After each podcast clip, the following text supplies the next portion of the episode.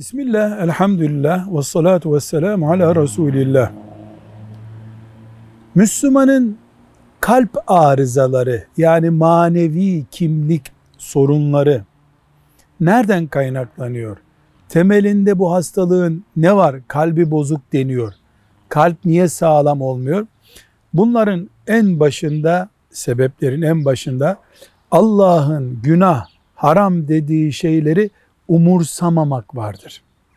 Bir insan günahları umursamadı mı, onları bir risk olarak görmedi mi kalbi körelir. İkinci olarak da Allah'tan, Allah'ı zikirden, ibadetten, alıkoyan şeylerden çok bağlantı içinde olmak. Mal, çevre, gezi, zevk vesaire.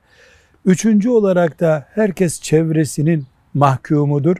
Çevresi kalbi bozuklardan oluşan kesinlikle etkilenir. Dördüncü olarak da yemeği abartmak. İnsan tabiatı yemeğe köle hale geldikten sonra ilk körelen kalp olur. Ve beşinci sebep de kontrolsüz ve çok uyku. Bu uykunun aşırıya kaçması en başta sabah namazından başlayarak ibadet dünyasını, performansı yüksek bir ibadetli gün geçirmeyi engeller. Velhamdülillahi Rabbil Alemin.